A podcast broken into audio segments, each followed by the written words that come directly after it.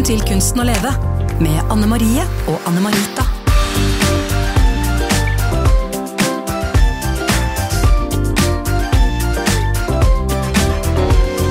Velkommen til podkasten Kunsten å leve i regi Leve Hordaland. Dette er sesong to, episode tre. Mitt navn er Anne Marita Milde, seniorforsker og psykologspesialist. Så har jeg eh, min kjære kollega ved siden av meg her, som er Anne Marie Ulvolden, jeg er helsesykepleier. Så har vi en, eh, et storfint besøk fra hovedstaden i dag, fra vår nye generalsekretær, som heter Knut Harald Ulland. Velkommen til oss, Knut. Kan du si litt om deg, eh, deg sjøl? Ja, tusen takk for at jeg fikk komme. Jeg er veldig glad for å være her, og jeg har allerede lagt merke til at denne podkasten deres, den eh, går det litt sånn gjetord om ellers i Leve også. Ja. Så jeg har gleda meg til å, å, å delta. Uh, ja, jeg kan gjerne si litt om meg sjøl. Jeg er jo etter hvert blitt uh, Nå er det kamera her også. Det er jo en podkast. Jeg trodde det bare var podkast, men det er med video. Men jeg er Vi må se deg òg, vet du. Se kan hvordan du se, jeg kan ikke ljuge på alderen. Nei. Men jeg er 57 år og har jobbet for organisasjoner som ja, du kan si ligner litt på Leve. da.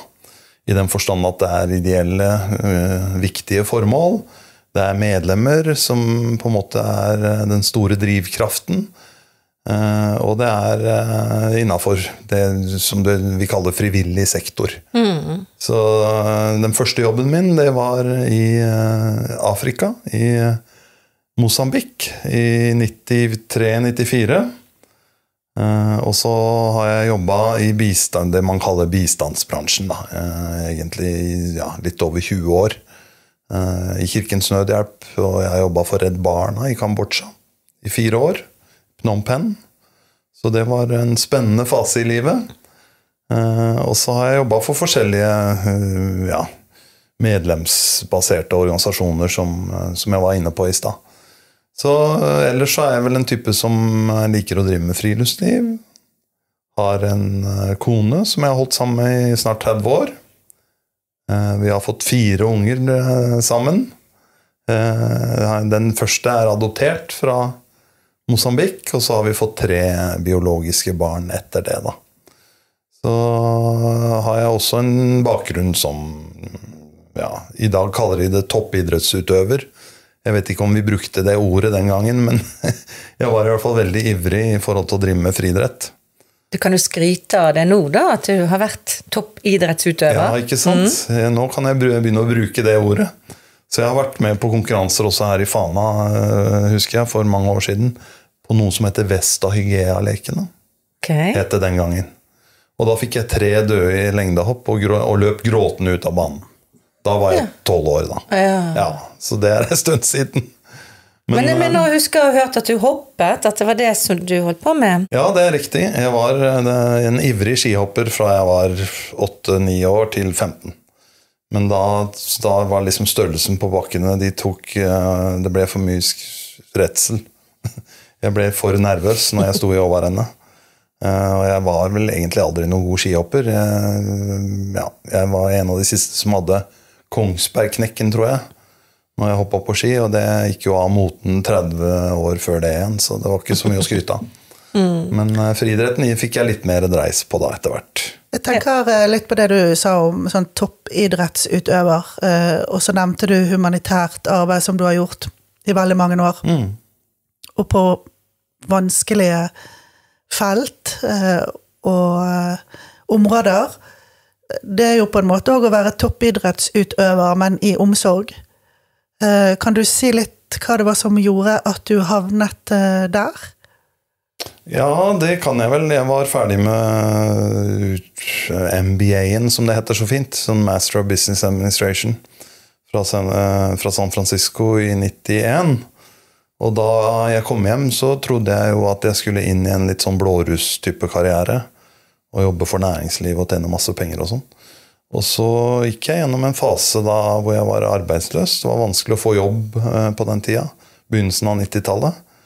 Og da husker jeg at da tenkte jeg liksom mye over hvem er jeg i verden? Hva er det jeg ønsker å bruke mine krefter på? Hvordan skal jeg bidra? Jeg leste mye av Arne Næss, den eh, senior. Den gamle filosofen som eh, var veldig bekymra for klodens tilstand. Så jeg utvikla vel i løpet av en ganske kort tid, tror jeg, ganske sterkt sånt engasjement da, i forhold til at jeg ville bruke kreftene mine på å gjøre verden bedre. Så det var også bakgrunnen for at jeg etter hvert fikk jobb i, i Mosambik da, for Flyktninghjelpen og var der i, i to år sammen. Og den gangen var jeg nygift, så vi dro ned dit sammen. Uh, og det var en spennende og også litt sånn formativ på en måte periode i livet. Fordi Mosambik den gangen var eh, definert av FN som det fattigste landet i verden. Så det var litt Ja, det var spesiell eh, tid å, å bo og være en del av det samfunnet, da. Eh, Vi var vel fem nordmenn der, og jeg tror fire av de ble liksom rana at gunpoint, som de sier på norsk. Så det var litt Det var spesielt å være omringa av så mye fattigdom og, og lidelse. Da. Samtidig så føler man også en type sånn avmakt i møte med et helt samfunn som på en måte ikke, ikke er i nærheten av å være der det norske samfunnet var den gangen, og er for så vidt er fortsatt. Så jeg tror disse tingene forma meg ganske tidlig i forhold til å ønske å bruke tida mi på gode formål. Du må ha sett noe meningsfullt uh, i det, og håp, oppi alt uh, det andre som ikke er så kjekt å bevitne. Eh, så kanskje det har vært litt sånn skjellsettende for deg personlig, men òg yrkesmessig, kanskje, da. Ja, det med håp tror jeg er grunnleggende. Hvis du mister håpet, så mister du på en måte livskraften også. Eh, Og det er, det er egentlig litt fort gjort å, bli, å føle seg litt håpløs når du på en måte er i et land som er såpass nedsunket i fattigdom og også lidelse. da. Men det er vanskelig å være i Afrika egentlig i noen som helst, over noen som helst tid uten å samtidig bli grepet av det. Og fantastiske på en måte livsviljen og livskraften som er en del av kulturen der. Og som ikke er avhengig av materielle goder eller ikke engang mat. Der har vi jo sikkert en del å lære også fra Afrika, eller fra den afrikanske kulturen, med det å, å sette pris på lite, eller å ha livsglede selv om man har både håpløshet og dårlig økonomi. Ja, absolutt. Det er, eh, det er fascinerende hvor eh, lite vi trenger for å ha det bra av materielle goder. Eh, Så vi Jeg vet ikke, jeg tror det har skjedd mye positiv endring i det norske samfunn også, i forhold til den verste materialismen som vi kanskje kalte det den gangen, den såkalte jappetida på slutten av 80-tallet. Hvor alt liksom dreide seg om å skaffe seg den største, fineste bilen og i det hele tatt. Jeg tror nok også at det norske samfunn har gått videre, og at de mer viktige, evige verdiene knytta til det å være et medmenneske, knytta til det å utvikle seg som menneske, ikke minst, har på en måte kommet sterkere, da. Eh, I hvert fall har jeg inntrykk av det. Men du har jo hatt en del eh, Du har hatt litt eventyrlyst også, i tillegg til det at det har formet deg veldig, at du ønsker å gjøre en, en forskjell i verden. Eh, og det er kanskje litt av bakgrunnen for at du har søkt denne jobben og fått denne jobben i Leve. Kan du si litt om hva var det som gjorde at du ville inn i Leve, og bakgrunnen for det? Det er, nok, eh, det er nok litt flere ting, men det, det viktigste for meg er jo det jeg var inne på i stad, dette med at formålet er, er vesentlig. Jeg kan ikke tenke meg en organisasjon som jobber for et viktigere formål enn å forebygge selvmord og være der for de nære som har blitt rammet av et selvmord.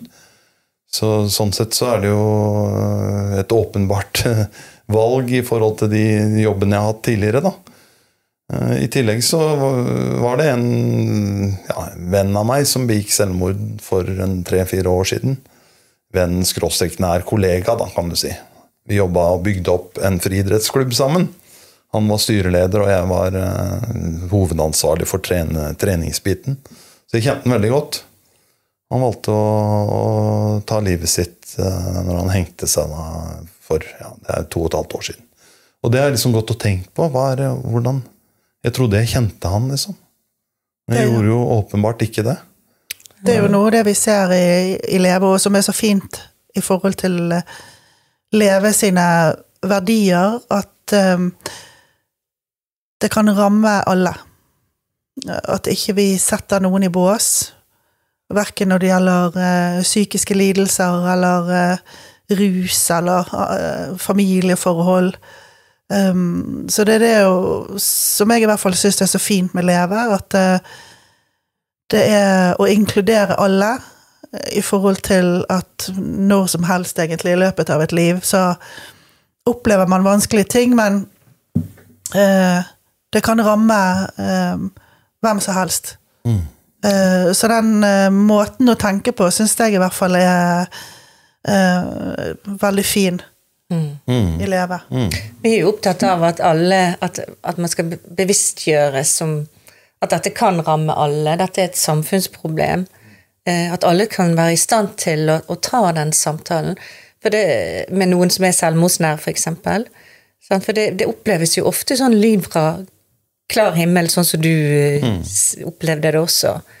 Men når man ser litt nærmere, eller ser litt bak, så er det jo av og til ofte da ting som man kanskje kunne tatt Kunne sett noe av. Jeg vet ikke ja, jeg tror det, det I tilfellet med min venn, skråstrek gode kollega, så var det jo litt sånn at det, i etterkant så forsto vi litt mer da, eh, hvorfor han kanskje hadde tatt det dramatiske valget som han gjorde, i forhold til en del ja, utfordringer rundt økonomi og, og jeg tror også jobbrelatert eh, utfordringer i forhold til den lederstillingen han hadde. Så hadde han også samtidig en veldig prolaps i nakken. Hvor han fikk satt inn et sånt jernbur, og ja, det var ikke helt vellykka det heller. Så jeg tror det var flere ting som på en måte virka veldig nært sammen, da, som kanskje sto, gjorde at det blei sånn som det blei. Men jeg er jo helt enig med dere, og det er en av de tingene jeg har lært uh, gjennom de ja, Nå har jeg bare vært her i snart to måneder, men i hvert fall en av de tingene jeg har lært, er at det er en slags myte, dette med at eh, man sier jo at ja, han eller hun er ikke typen til å begå selvmord, men det er ikke mulig å, å si det, egentlig. Men det er kanskje en av de mytene vi kan jobbe for å, for å avlive. da. Absolutt. Det er kjempeviktig. For det er en viktig jobb Leva har som på en måte talsperson for etterlatte i, i samfunnsdebatten. På en måte Både et, et tydeligere og mer inkluderende leve er, er viktig, da.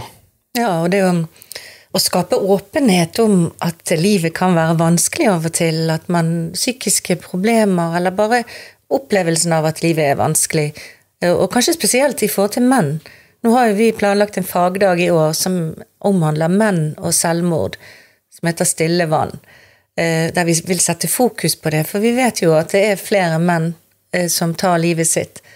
Og med tanke på din venn, da, eller din eh, sant, som, som kanskje ikke snakket om de tingene. Altså det å, å, å, å på en måte være, altså skape den åpenheten, sånn at vi kan hjelpe folk å kunne snakke sammen, eh, kan jo være forebyggende. Absolutt.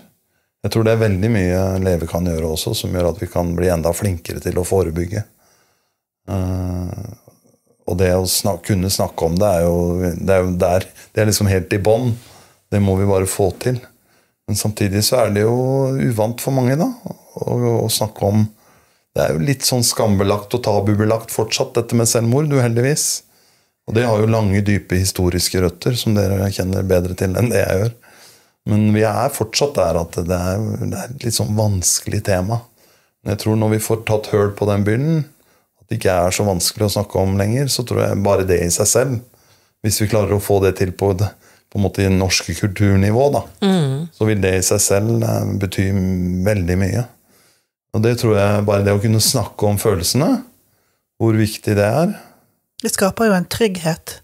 Ja, ikke sant? Og at det er et eh, rom eh, der man får en aksept for å, å kunne vise at man er sårbar, og at man har det vondt. At det er en fase man går igjennom i livet. Og det å søke eh, støtte, eh, enten fra sine nærmeste eller eh, Ja, det er jo ikke alle som oppsøker helsehjelp, eh, sant? det vet vi jo når det gjelder menn.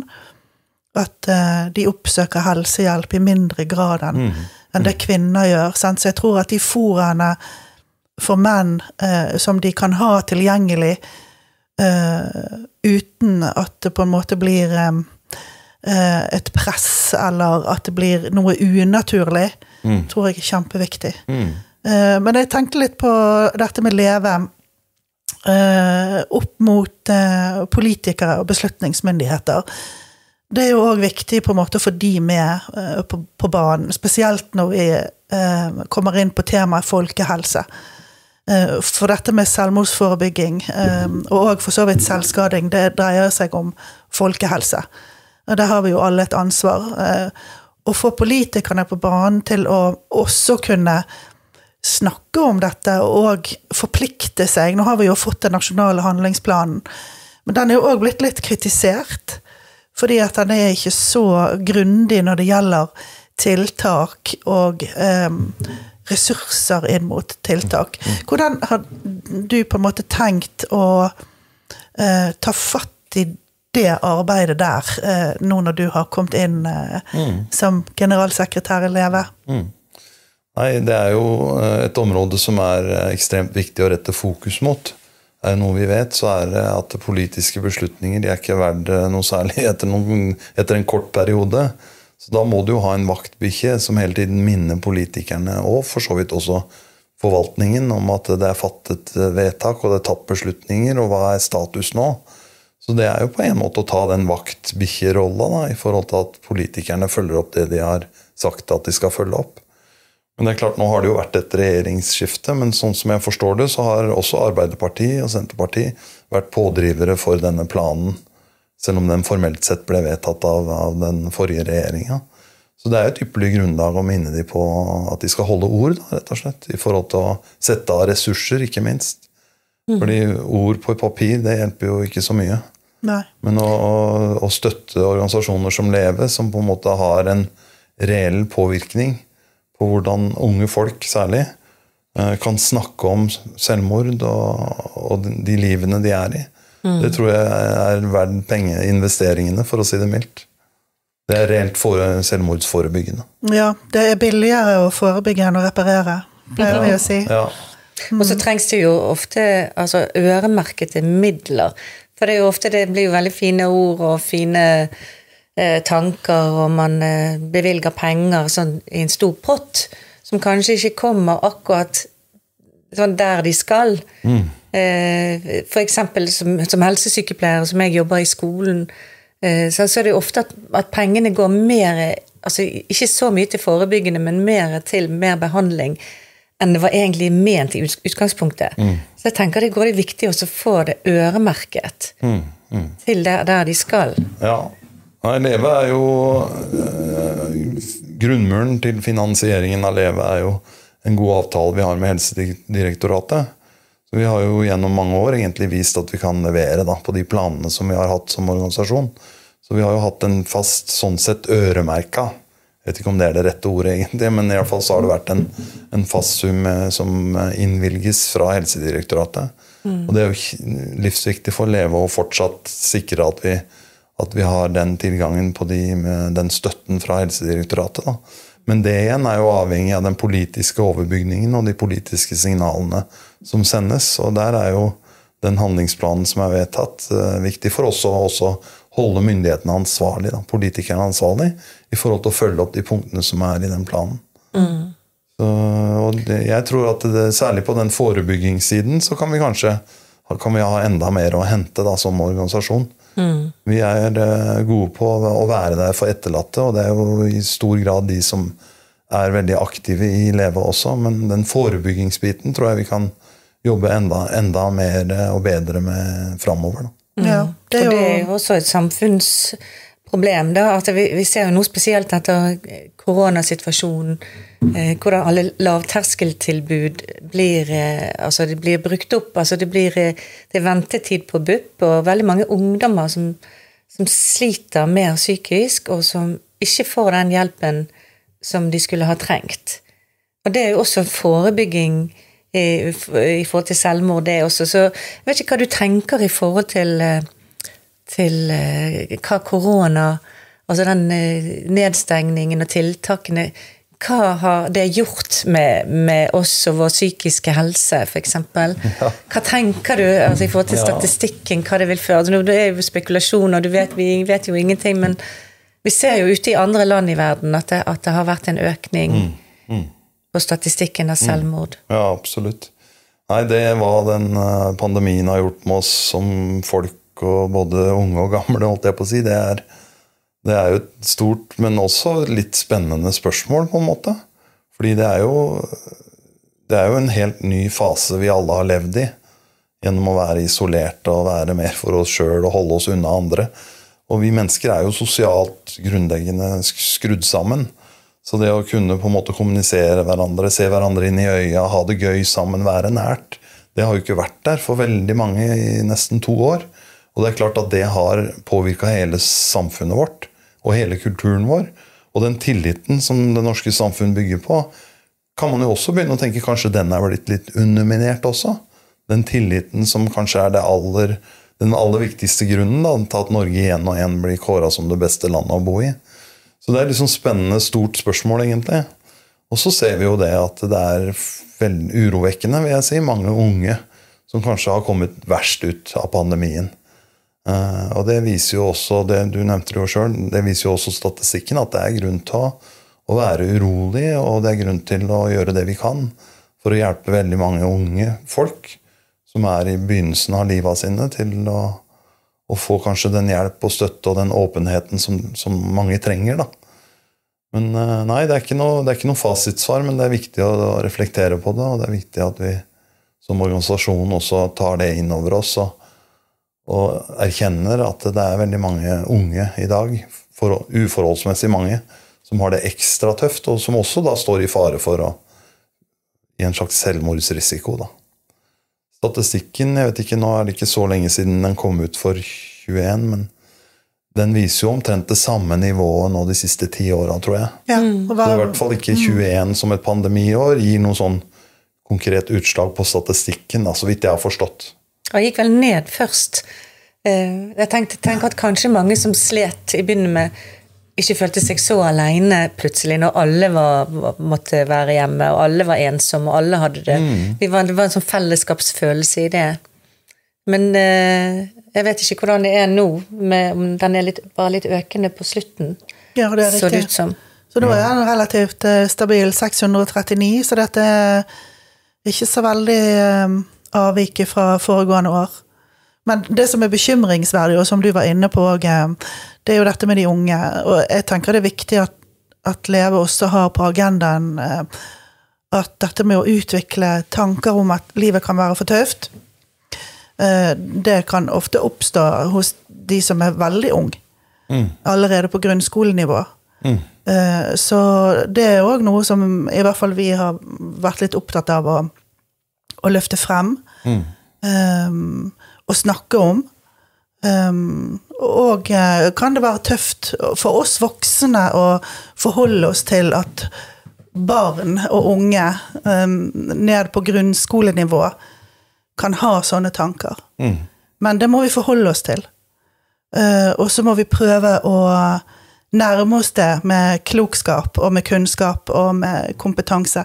Og der tenker jeg Leve er kjempeviktig som organisasjon også for å og rette fokuset og, og lyset på de, på de yngste. Ja, absolutt.